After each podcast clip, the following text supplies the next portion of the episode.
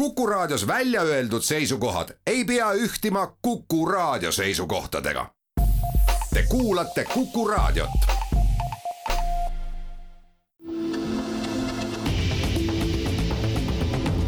kahevahel.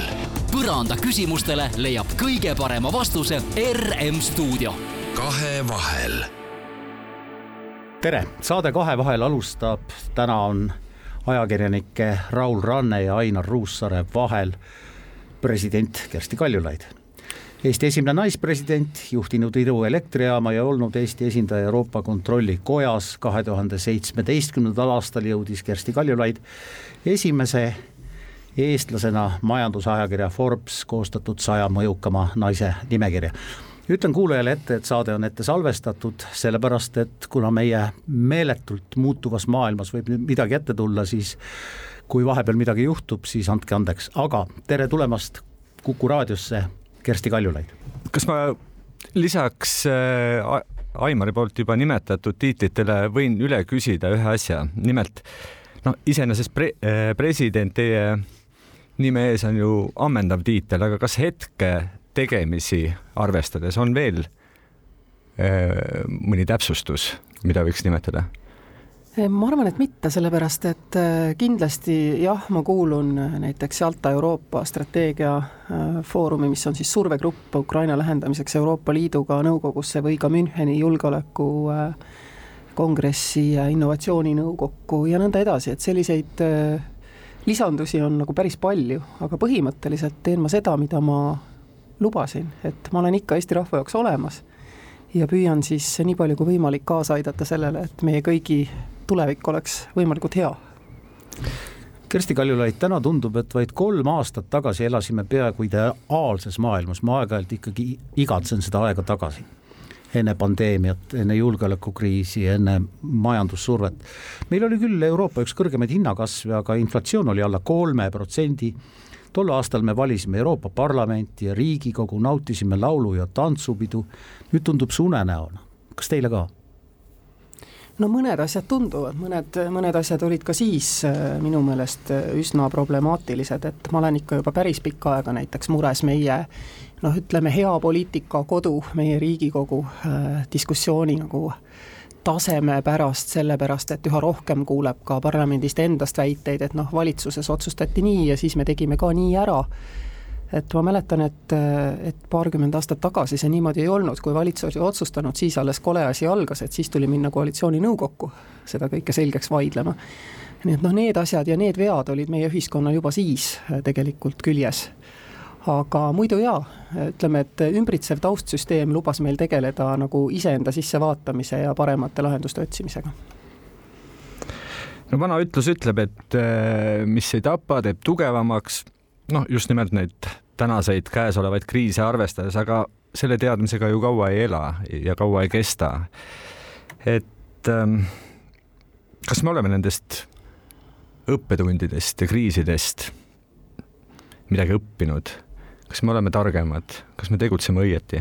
no kriisis seda öelda on päris keeruline, et ma loodan, et üks asi, mille me näiteks oleme ära õppinud, on see, et kui meil on ikka nagu väga head ajad kunagi, äkki tulevad jälle, ja majanduskasv on päris kiire, et, et me siis kogume reserve, nii nagu kunagi oli Eesti riigis kombeks ja kulutame neid siis, kui meil on äh, rasked ajad et me oleme viimasel ajal hakanud väga meenutama sellist tavalist Euroopa riiki, kelle eelarve on kerges defitsiidis koos lubadusega saavutada tasakaal, kui head ajad peaksid mm. keskma üle kümne aasta, mida nad kunagi ei tee, ja siis keerulistel aegadel oleme me sügavas defitsiidis. et see tegelikult teeb mind murelikuks, sest see vähendab meie reageerimisvõimet, iga selline laine, iga selline tsükkel ja kriis vähendab mm. meie tulevast reageerimisvõimet ja tähendab meie lastele ja lastelastele noh, suuremat, suuremat koormust laenumaksetena nii et äh, me võime midagi õppida ka praegu, aga noh, see ei tähenda, et me saaksime tõenäoliselt järgmisel aastal näiteks toimetada tasakaalus eelarvega, aga jah, meil on nii mõndagi õppida mm. -hmm. kui äh, omal ajal värske presidendina te Riigikogu ees esinesite, siis äh,, siis te ikkagi südamest avaldasite lootust, et viie aasta pärast või viis aastat hiljem on äh, Eestis rohkem mõistmist ja vähem hukkamõistmist rohkem abistamist ja julgust ning vähem hirmu. nüüd, kuidas teile tundub, kas unistused ei täitunud? ma ütlesin siis ka seda, et äh, mina ei ole mitte kunagi vait, kui liiga tehakse nõrgematele või kui kõne all on meie julgeolek või ohus on meie vabadused. ja mulle endale on nagu palju mõjusam mõelda tagasi sellele, et, et teatud määral sa nagu ei kujuta isegi ette, et et noh, vabadused võiksid sattuda ohtu sisemiste või välimiste mõjurite toel mingil ajahetkel, kui see hetk ei ole parasjagu ja siis, kui see hetk on käes siis äh, tuleb sõna ja lubadust nagu pidada. ja, ja ma arvan, et äh, need sammud, kui sa selles kolmeses raamistikus ka nagu toimud, sa võid öelda endale, et vähemasti mina olen püüdnud kõik teha selleks, et mhm. need sinu poolt nimetatud unistused oleksid, oleksid äh, kättesaadavamad meile aga ma arvan, et täna on kõikidel natuke see tunne, et pingutame, mis me pingutame, aga ikka ei saada maailmas igal pool asjadest aru, nii nagu meie mõtleme ikka need ohud äh, justkui tuleb neid juurde ja ohutase justkui tõuseb, kuigi noh, teiselt poolt jällegi iga sellise eskalatsiooniga piiri taga ju ka NATO võtab jälle samme ette, et ohutase noh, oleks pigem madalam, kontrollitum, üha paremini saavad meie partnerid ja liitlased aru, mida me räägime. nii et noh, see ongi nii, et ühtpidi nagu edeneme ja teistpidi muutuvad mingisugused riskid ja ohud, aga summa summarum ma tegelikult ei usu, et Eesti äh, julgeolek oleks rohkem ohus, kui ta oli siis, kui ma rääkisin. just sellepärast, et tähelepanu sellele teemale on palju parem, eks ole, et ma arvan samamoodi, et ka meie vabadused ei ole täna äh, kuidagipidi ohus. aga võib-olla just ka sellepärast, et meil on olnud periood meie elus, kus me oleme noh, saanud näitliku õppetunni, et ka isikuvabadused võivad siin riigis sattuda küsimuse alla vähemasti ja ma arvan, et nõrgematele tehakse siin riigis ka vähem liiga, kui selleks mitte lugeda seda, et seda ressurssi, mida võiks pigem tõesti panustada ühiskonna kõige nõrgemate toetamisele, kasutatakse meil noh, laiapindseks kõikide inimeste, kõikide inimeste toetamiseks, kellel mõnedest see lihtsalt vähendab ebamugavust, mõne paneb üldse õlgu kehitama, aga tõelistele abivajajatele jääb ju vähem. aga samal ajal ise korraldasime just oma fondi ja, ja Tartu ja Pärnu naiste tugikeskustega koos Äh, vägivalla äh, ennetuse konverentsi Tartus, mille pealkiri oli, äh, oli tangotantsust lähenemiskeeluni. ja vaat sellel rajal oleme me kindlasti ka viimase kuue-seitsme aastaga edenenud, et me saame paremini aru mm., mis on vägivaldsus, mis on selline üldine noh, vägivalla tase ühiskonnal, kust see tuleb, see tuleb kodudest. ja, ja ilmselgelt püüame nagu rohkem teha selleks, et siis selle juurpõhjusega võidelda Kersti Kaljulaid, kui te olite president, käisite esinemas Toila gümnaasiumi ühiskonnaõpetuse tunnis ja kasutasite väljend inimeseks olemise kõrgem kunst. mis asi on inimeseks olemise kõrgem kunst? See on oskus olla kaastundlik teiste suhtes ja mõistev äh, nii äh, noh, ütleme ühiskonna kui terviku kui, ka sinu lähemal olevate kaaskodanike suhtes, oskus Eh, seista enda soovide ja unistuste eest, ilma et sa teiste omi peaksid jalge alla tallama.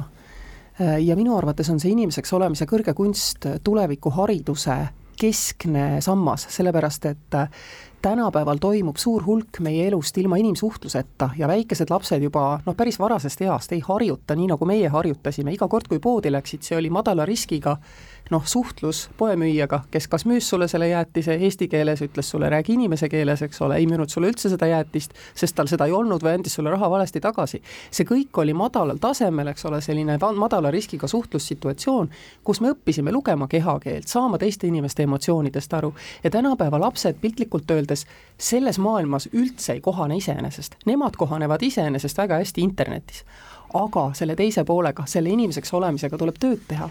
ja seega hariduse nagu selline raskuspunkt nihkub juba lasteaia aega, sest kõik need põhitõed tuleb selgeks saada pigem nagu varem kui hiljem, ma arvan, kümneaastane on oma noh, hoiakutelt mõneti välja kujunenud inimene. Ja, ja selleks ajaks peab ta teadma, kuidas teiste inimestega üldse suhelda, mingi tulemuseni koos jõuda, enda õiguste eest seista, teisi toetada, noh, kõik sellised asjad. ja see on hariduse põhisisu, sest vaata, see on ka inimeseks olemise noh, nagu konkurentsieelis võrreldes tuleviku tehisintellektiga. et tehisintellekt tõenäoliselt ikkagi kõige viimasena hakkab tõeliselt emotsionaalselt intelligentseks. ta võib lugeda näoilmeid ja nõnda edasi, aga kõigest noh, tajuda suhtlussituatsioonis, mis on mure ja kas on mure, ma arvan, et see on see viimane konkurentsieelis, mis meile jääb. aga teeme siin väikese pausi ja siis jätkame saadet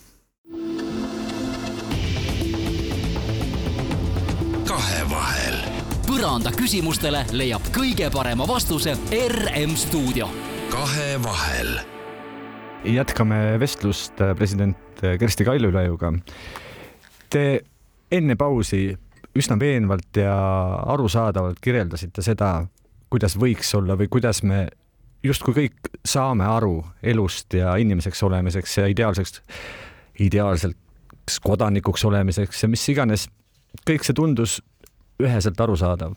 teisalt äh, ma kujutan ette, nii teie kui mina kui ka Ainar põrkame igapäevaselt kokku äh, arvamisega, et kõik on halvasti, kõik on, äh, kõik see, mis Eestis näiteks toimub, rääkimata maailmast, on, vajab totaalset remonti, siin ühe partei hinnangul ka päästmist, kui räägime Eestist. kuidas teile tundub, kas selles olukorras on ikkagi mingisugune arutelu, mõistlik vestlemine üleüldse võimalik? no vot, just ütlesite, et me justkui saame kõik aru, et kuidas see inimeseks olemine käib, aga tegelikult see päris nii ei ole, et meil on hästi palju tegelikult paraku neid inimesi, kes ilmselt juba varasest noorusest on harjunud ilmselt oma koduse mustri järgi lahendama asju karjumise, löömise, aga ka lõikava sarkasmi, iroonia, alavääristamise, kõige muu sellisega. Neid nähtusi meil ju ei oleks, kui me noh, õpetaksime inimestele, kuidas olla inimese, inimese vastu kena inimene ja seejuures saavutada ka oma eesmärke ja, ja see paraku ongi see, mida me ka näeme, et, et ega siis ju poliitiline debatt on, on, ongi peegel meie kogu ühiskonnast, et ja ta on selline ainult sellepärast, et valija tahab, et ta selline oleks mõnes mõttes. no ja see on ka see põhjus tegelikult, miks me miks me võib-olla ei oska, ei oska alati, alati äh, rääkida nii, et me saaksime ka hea tulemuse. mulle kunagi väga meeldis päris alguses, kui kui äh, Ahto Lobjakas väitles Varro Vooglaiuga, ma ei jaga mitte kummagi seisukohti, ma arvan, mingi kaheksakümmend protsendi ulatuses, eks ole, mõlemaga kindlasti on mul ka mingisugust ühisosa, eks ole, nagu ikka, päris kunagi nii ei ole. aga mulle meeldis see, kuidas nad äh, seda debatti pidasid ja lahendasid. Räägime ajakirjandusest ka põgusalt mm,. sõna on vaba. nii Raul kui mina võime kinnitada, et jah, meie ei tunne mingit survet meile ei öelda, millest me peame rääkima, kirjutama ja nii edasi. aga keskerakondlane Aadu Must, veteranpoliitik, väidab ajalehes mustvalgelt, et ajakirjandus on Euroopas ostetav ja müüdav. ta väidab, et Eesti riigi raha on kasutatud välisajakirjanduses, et aidata neid õigele teele minekul, jutumärkides siis.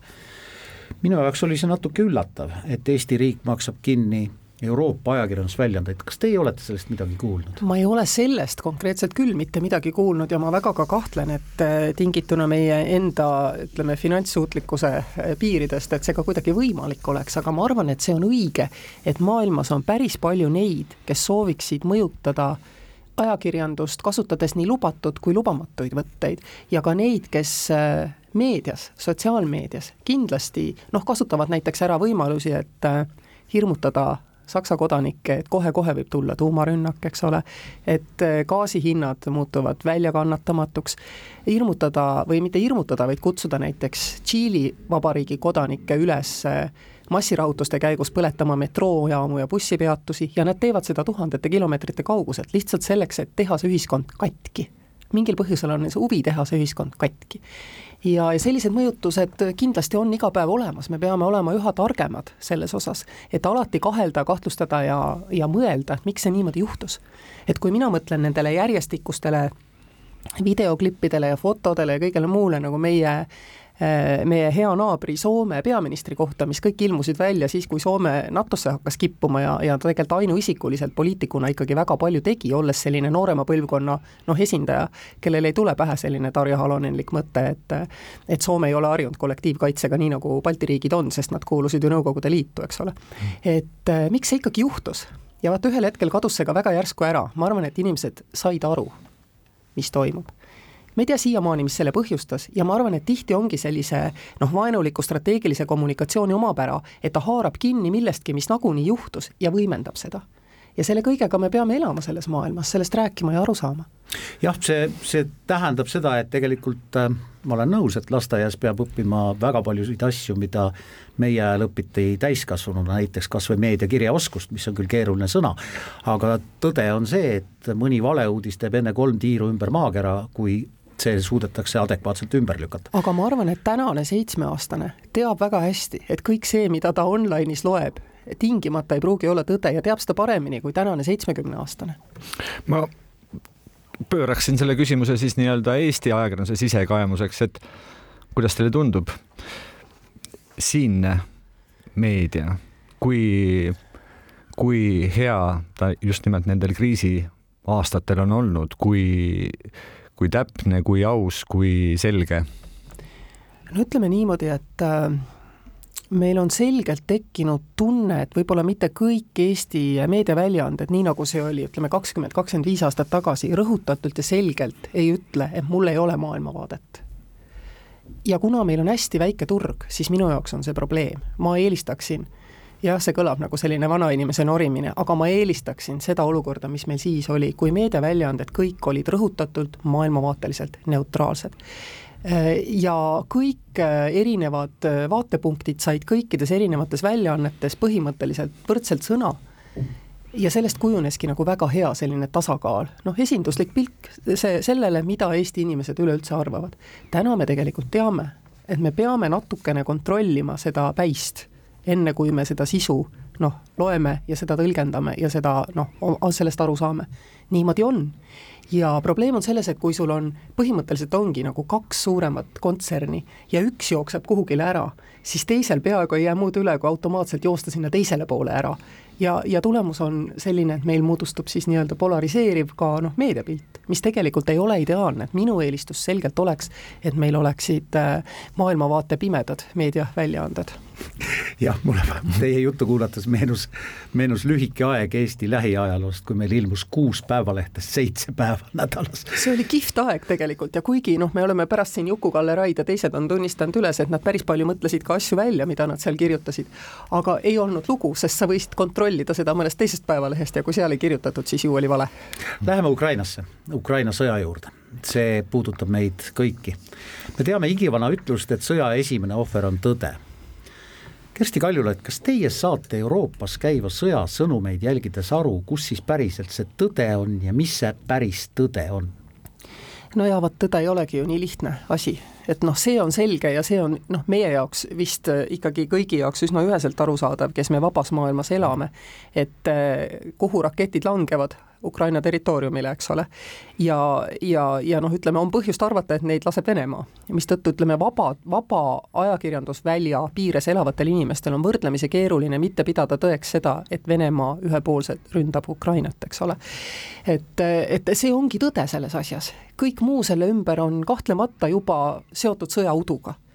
aga see üks vääramatu fakt ongi see, millest me ju saame ja peame iga päev nagu lähtuma ja seda on ka tehtud tegelikult, eks ole, Ukraina on kutsutud Euroopa Liiduga läbi rääkima liitumise üle olukorras, kus tegelikult me teame, et, et see on nii-öelda noh, hädakutse, sest tegelikult Ukraina ühiskond ei vasta veel väga paljudele kriteeriumitele, et ta võiks neid läbirääkimisi noh, nagu tegelikult sisuliselt olla juba alustamas, aga samal ajal ka see noh, muutus ütleme, tõe suunas, et, et need, kes on nõrgemad, need me toome oma mõjusfääri ja liidame iseendaga selleks, et nad oleks tugevamad, ei ole jällegi absoluutne teine näide näiteks, Serbial on Euroopa Liiduga viisavabadus. Serbia välispoliitika on kõike muud kui harmoneeritud Euroopa Liidu välispoliitikaga, mis oli üks eeldus, kui ta selle sai. seal kõrval on täna Kosovo, keda see Serbia kiusab, kelle välispoliitika on sada protsenti meiemeelne ja kellel ei ole viisavabadust. et noh, selles mõttes on, on tõde ja selle järelmid ja selle tõe otsimine, sellest lähtumine endiselt noh, nii diplomaatias kui poliitikas kõike muud kui nagu, et kui on öeldud A, siis kindlasti järgneb B. et maailm ei ole lihtsalt lihtne ma ikkagi olen siiamaani üllatunud, ma natuke tunnen Venemaad ja olen teeninud ühes ühes armees, kuhu mind sunniti aega teenima. mina ei ole, ma olen pidanud kirjavahetust väga paljude erinevate sõdurpoistega, kes Eestist sinna olid lähetatud. mis mind üllatab, on see, kuidas ma loen seda milliseid väljendeid kasutavad Vene tipp-poliitikud selleks, et mõjutada oma auditooriumi. Ja ma olen siiamaani üllatunud, kas tõesti mõjub, kas siiamaani saab rääkida neonatsismist, Hitlerjugendist, natsiriikidest ja nii edasi ja nii edasi. tead, mina olen selle peale mõelnud päris palju ka viimasel ajal ja ma hakkasin, ma mõtlesin ühe huvitava fakti peale, et vaata, kui me olime väiksed ja siis me jagelesime kogu aeg, naabrimajas oli palju vene rahvusest inimesi, meie majas olid eestlased ja me hoidsime oma maja esist üldiselt noh, et nad ei tuleks, meie liuväljale ei tulda okit mängima, pagan võtaks. Ja, ja meie ütlesime neile vene russ, kapsauss, aga me kunagi ei mõelnud, et nad päriselt oleksid ussid. Või kapsaussid, aga tuleb välja, mina mõtlesin, et nemad samamoodi kunagi ei mõtle, et mina nats olen. aga tuleb välja, et nemad tegelikult ka mõtlesid seda, et meie natsid oleme, eks ole. et, et see ongi, see ongi see kommunikatsiooniväljade nii suur erinevus, et me ei taipagi seda asja, on ju, ma olen nüüd saanud nelikümmend viis aastat hiljem aru, et nad mõtlesid, et ma olengi fašist, on ju, kui ma neid sinna meie liuväljale ei luba, eks ju. et mina ei mõelnud, et nemad on kapsaussid, kui nad mu isukaitsmed ära varastasid. ongi nii. teeme siin veel väikese pausi ja siis jätkame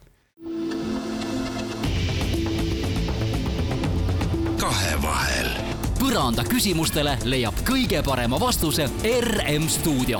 kahevahel.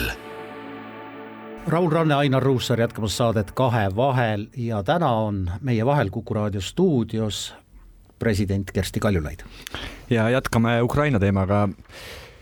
E, jällegi Kersti Kaljulaid, te rääkisite väga veenvalt, noh, kuidas e, ju suurem osa tsiviliseeritud ja demokraatlikust maailmast kogu seda sõjategevust Ukrainas näeb, hoolimata kõikvõimalikust võib-olla udust.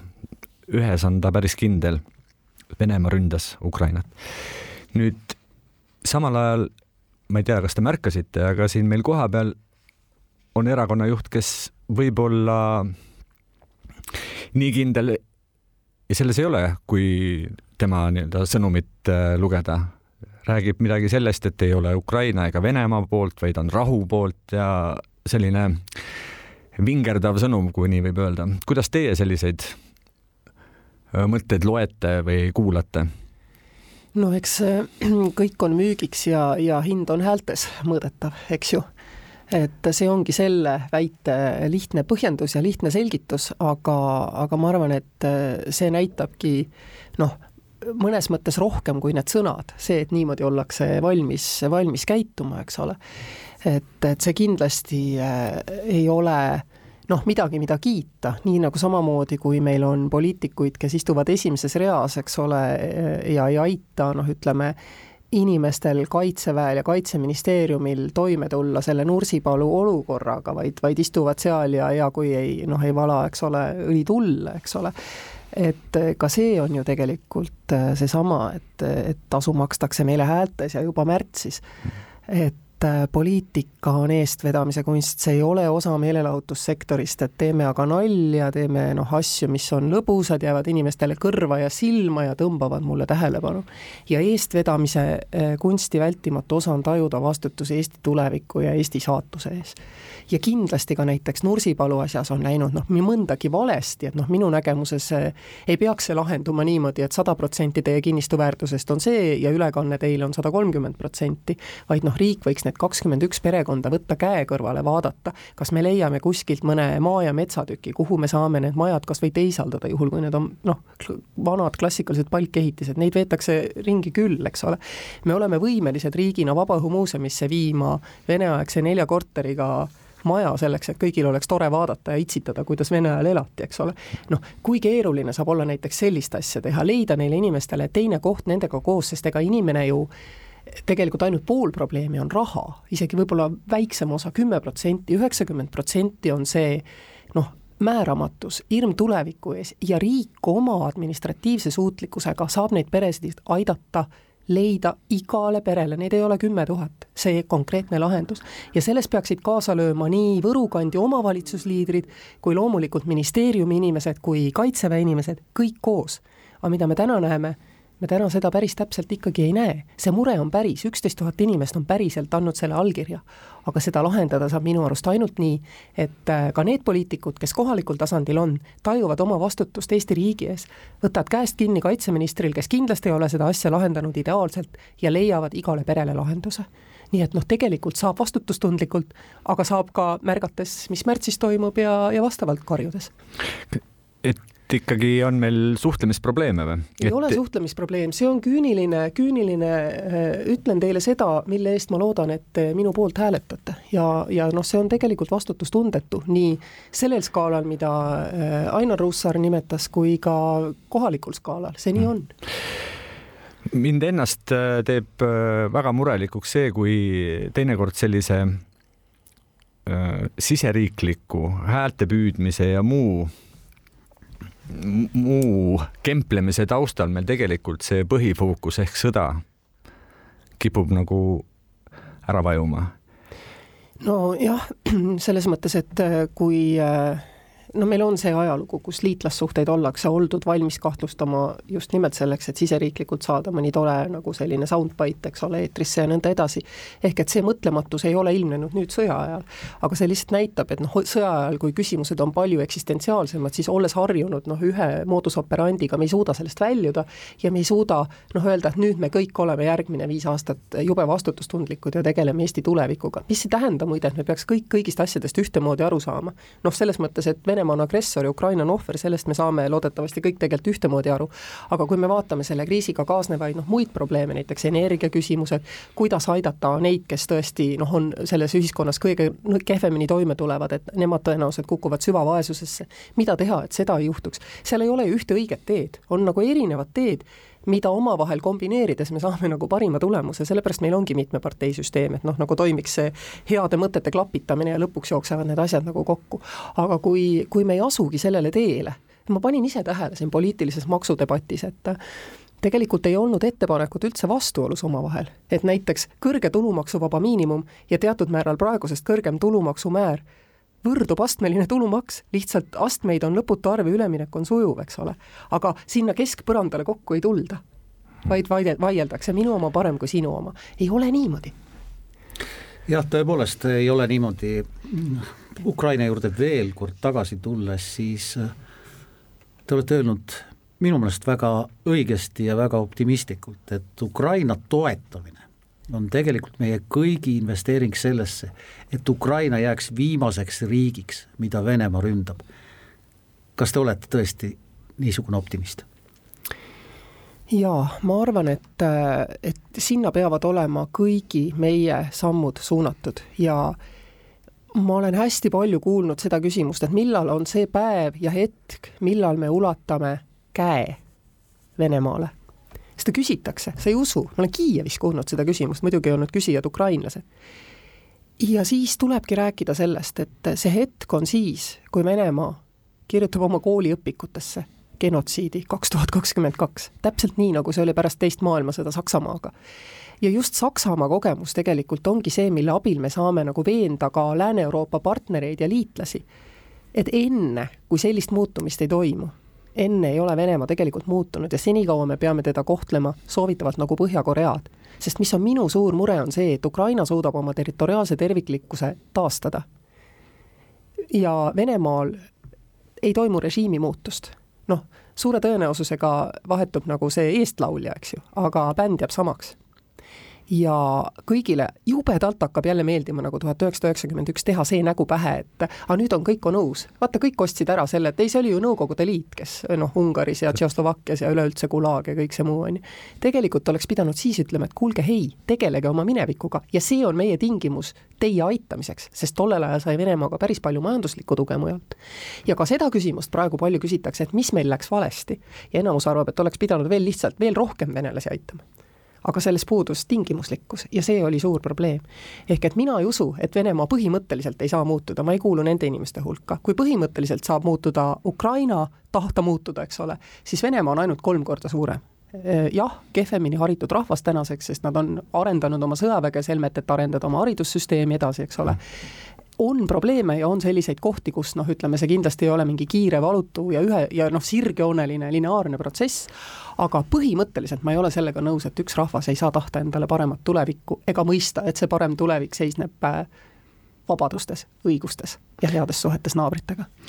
kui tohib, ma täpsustavalt küsin selle Jalta Euroopa strateegia tegevuse kohta. jah et sissejuhatuses ju kirjeldasite, et see on üks ma arvan siis, et üks põhilisi. see on kujunenud minu põhitööriistaks Ukrainaga toimetamisel jah, viimasel ja. aastal.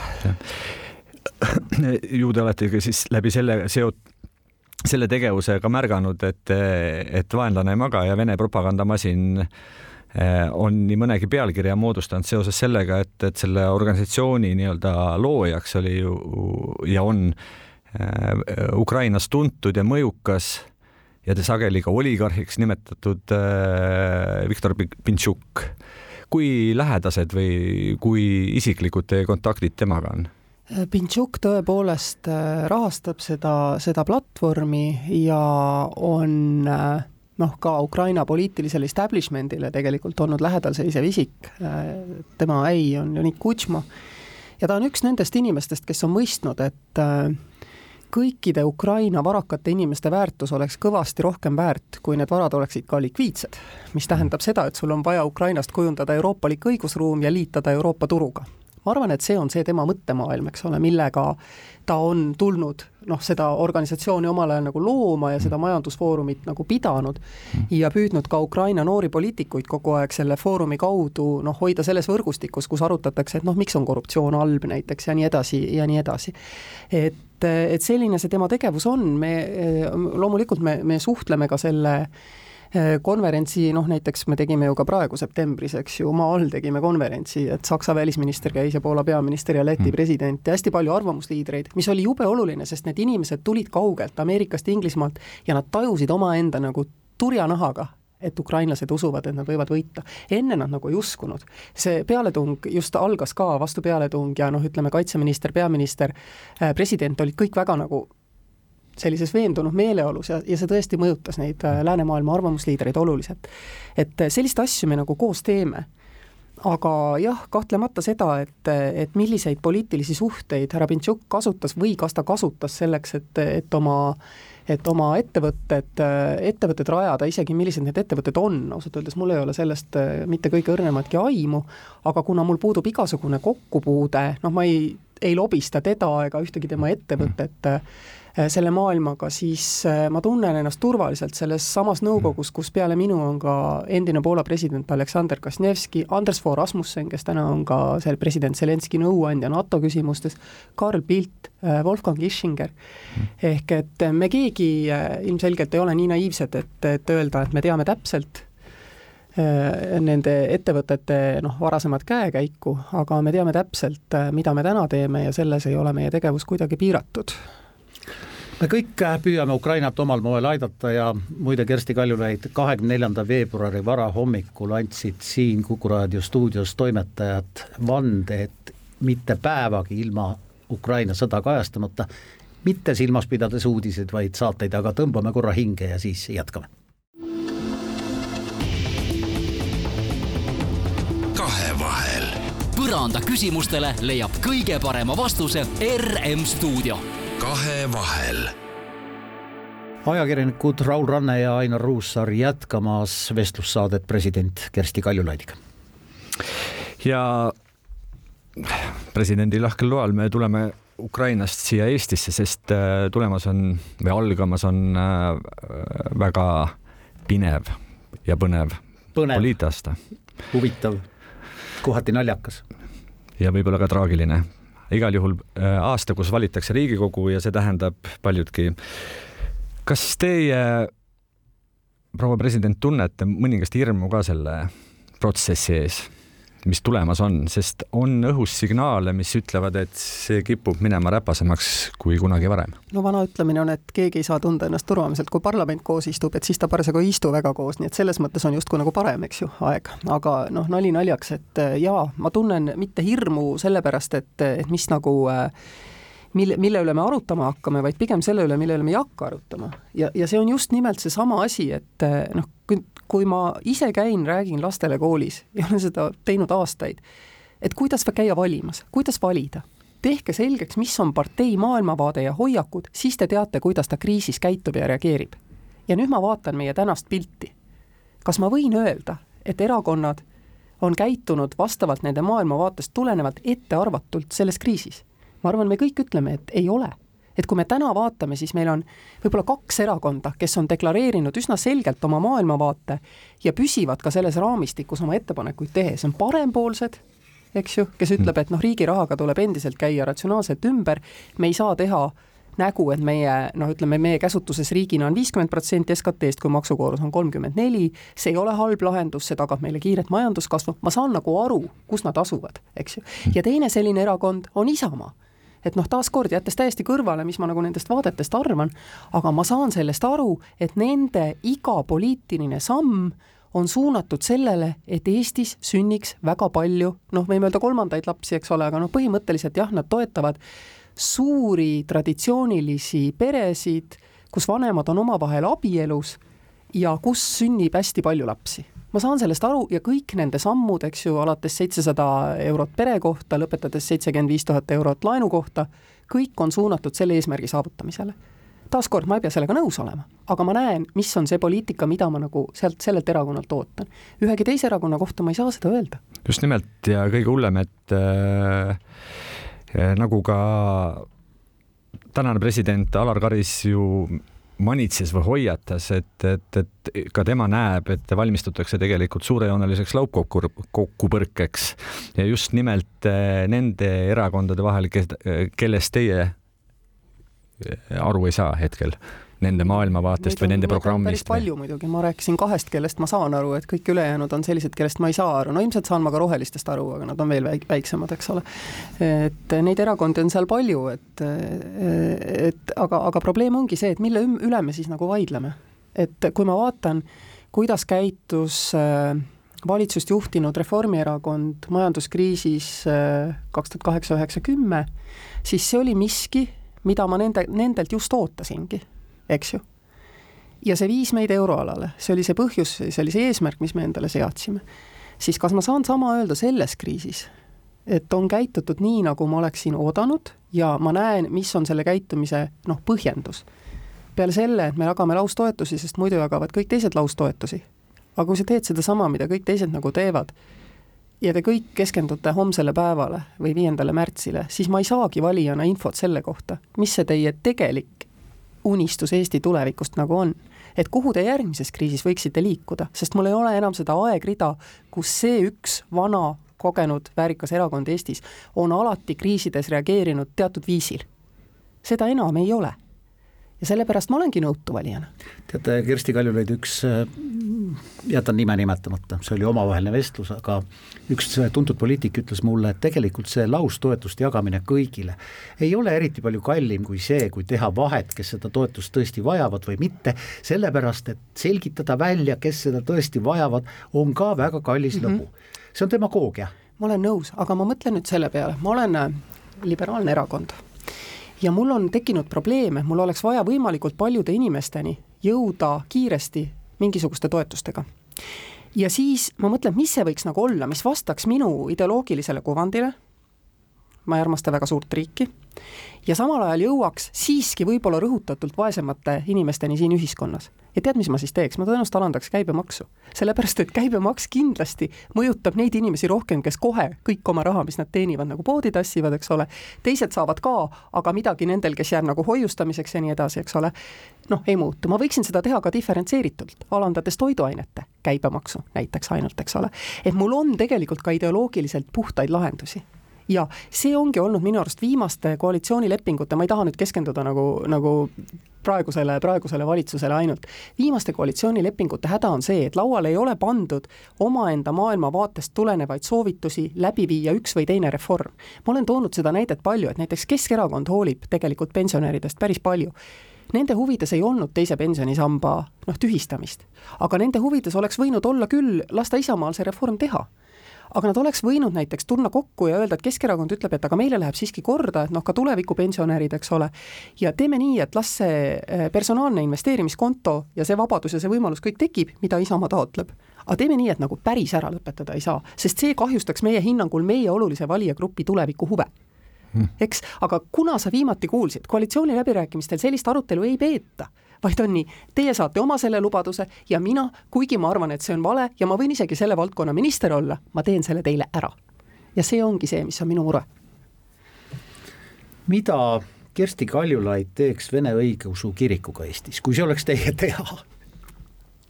see on ilmselt kirik, millel on väga palju nagu, nagu järgijaid äh, meie teiskeelsete äh, kodanike, kodanike ja, ja kaasmaalaste hulgas ja ma ei tunne ennast üldse pädevana kiriku küsimustes. ja seetõttu see, mida ma teeksin, ma teeksin hästi tihedat koostööd kirikute nõukoguga, selleks et jõuda siis soovitud lahenduseni, et et, et oleks selge, et ükski kirik siin riigis ei käitu nagu Taliban kes ütleb, et noh, et, et teispoolsuses ootab teid õndsus ja ma annan teile teie patud nagu andeks. aga taaskord, meil ongi selle jaoks ju, meil ongi kirikute nõukogu ja ja, ja teised usulahud, kes võiksid aidata ja nõustada otsustajaid, et noh, kuidas nagu käituda tasakaalukalt, kuid saavutada soovitud tulemus. ma arvan, et kutsudes appi Urmas Viilma, Philippe Jourdani ja teised, me jõuaksime noh, parema tulemuseni, mis oleks ka ühiskonnale lihtsamini seletatav ja mõistetav, sest et äh, kirikuisad ise on seda asja arutanud ja, ja toetanud ja nõustanud riiki. aga teine mõneti sarnane teema on ju ka Vene kodanikest Eesti elanikele kohalikel valimistel valimisõiguse jätmine või siis selle äravõtmine, et äh, kuidas teie seisukoht selle koha pealt on? minu seisukoht on see, et oht ajada rohkem rusikaid taskusse on, on suurem kui see oht, et mittekodanikud, seejuures valides kodanikke, juhin tähelepanu, kuidagi mõjutavad meie omavalitsuste käekäiku. ma ise ei ole absoluutselt rahul Tallinna juhtimisega, ma olen ise Mustamäe, Nõmme piirkonna elanik, eks ole, me teame, et sinna on per capita palju vähem raha panustatud, kui on panustatud Põhja-Tallinnasse ja Lasnamäele, eks ole, ja kui ma vaatan neid pompoosseid pargilahendusi kusagil sealkandis ja mõtlen sellele, et meie kandis on kõnn kõnniteed nagu Kuibaševis, kui neid üldse on, eks ole. Eh, miks Kuibaševist, me ükskord olime Kuibaševis töö pärast ja ma mõtlesin, et appi, millised teedetänavad ja siis ma manasin silme ette Raudtee tänava nagu Nõmmel, üks meie keskseid tänavaid, mille ääres asub kaks koolimaja. aga noh, milles see nagu erinevus seisneb? ehk ma ei ole üldse rahul Tallinna juhtimisega, aga ma arvan, et me, me peaksime saavutama selle murrangu teisiti. Kersti Kaljulaid meie saateaeg hakkab lõppema, aga kui me kohtuksime teiega ja loodetavasti kohtume siin aasta pärast, enne kahe tuhande kahekümne kolmanda aasta lõppu, mis te arvate, millest me räägiksime teisiti? kahe tuhande kahekümne kolmanda aasta lõpuks ma loodan, et et äh, see konflikti kuum faas on läbi ja me kõik tegeleme jätkuvalt kogu aeg sellega, et äh, hoida korjas nagu karjakoerad, jookseme ümber oma liitlaste ja partnerite ja seletame neile, et vaadake, see seal on ikka Põhja-Korea ja seni, kuni ta seda on, senikaua peavad majandussanktsioonid jääma paika, nõnda edasi, nõnda edasi. ma võin öelda, et ma olen juba sellest aastast väga palju, vesteldes ka suure rahaga, noh, tihti kutsutakse, just nimelt seda aspekti rõhutanud, et pall tuleb meie õuele tagasi, sest Ukraina võitleb iseenda vabaduse mitte vaba maailma pika hea käekäigu eest, et me peame sellest aru saama ja võtma ka selle vastutuse. ja ma nii loodan, et selleks ajaks me oleme juba sisenenud sellesse faasi, et kurta taaskord selle üle, kuidas sakslased-prantslased meid ei mõista, kuid mitte andes alla. suur tänu, et tulite Kuku raadio stuudiosse saatesse Kahe vahel president Kersti Kaljulaid. aitäh.